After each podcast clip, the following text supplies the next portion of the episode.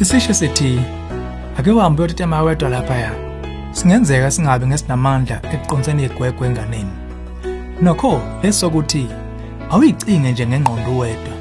Sibuka sinomehluko. Umehluko ke ukuphi? Futhi lesokuthi ingane kuyicinge iyodwa singasiza kanjani kumbe sifunde ziphi izifundo enganeni? Sithanda ukujula ngalesi sihloko la ohlelweni ezomndeni namhlanje. Engikholwa uzoqhubeka uhlale nathi.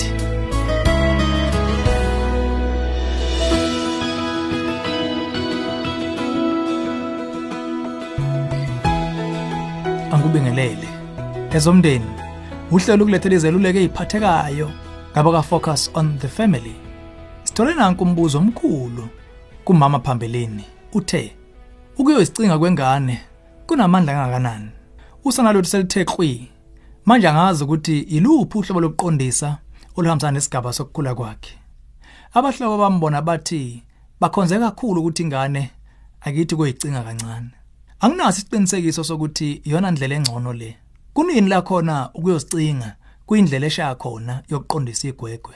Kunini futhi la ingesiyo khona. Umehluko ngingawubona kanjani? Masibuka nje jikelele ukuyozicinga akusebenzi njengendlela yesijeziso.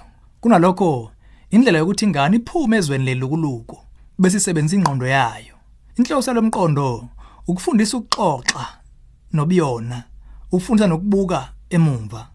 Kwenzeka ngqo uma ukuyicinga ukutshela ingane ngezwe. Uyikhipha ebuxakaxakeni bengqondo, qedwe yopholisa imicabango yayo isekhosombeni. Ngamanye amazwi, umphoqa ukuthi akathi ukuphefumula kanzulu, acabange ngakwenzile. Umuphi ithuba akacabange imithetho yala ekhaya. Yikho kusemqoka kumele uqinisekise uyazi kahle ngokucacile yonke phambi kwesenzo. Kufuneka futhi aqonde kahle ngemphumela uma ekhetha ukuphula imithetho yala ekhaya. Konke lokuqinisa ukuthi ukuzicinga kuyasebenza la khona ingane yenza into ingazange yacabanga. Ibonelo, ukudinwa kumbe ukuhlula kuyibamba.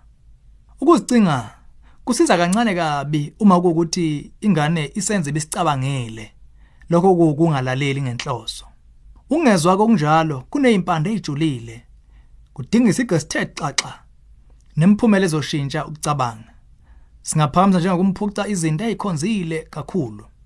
Kufuneka futhi umelana nesilingo sokuthi enganeni akuyoyicinga ngoba ukwenzela ukuthi akigudluke nje kuwe ngoba nakho icikile. Okusemqoka ukuba ibe nemizuzu yokuzicinga esesigabeni seminyaka yakhe.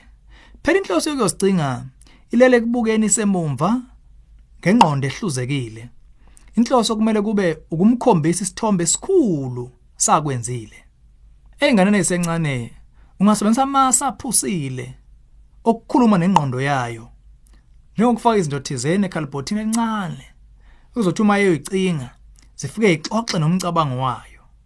Singabala na ukuthi udwebise elikhulu ulifake phakathi leli khalibhothi. Ngenhloso yokuba akhumbule ukubuka izinto ngamehla athe xaxa uma ezenza. Ungafaka futhi nobumba phakathi ukumkhumbuza ukuthi noma uqinile kodwa emhlabeni kumele ukwazi ukuthambiseka ukuze ube yishape enhle. Menza iphathe ngesana lezi zinto.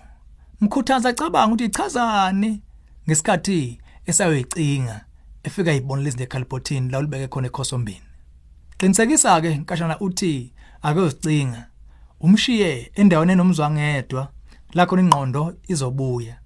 Lokhu kusipha umcabango wokuphetha. Ukusebenza kwethuba lokuyozicinga kungasebenza futhi ngokwesakheko somntanakho. Phela ingane ekhonza ukuyithulela nje. Uma uthi akuyihambi uyoyicinga.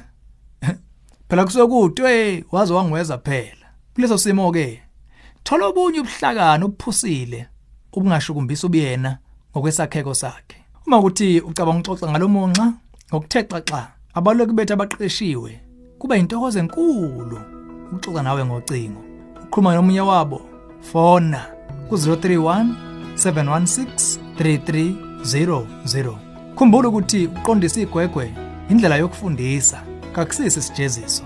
Ngakho khetha kahle indlela yokuqondisa isigwegwe sikufisela inhlanhla.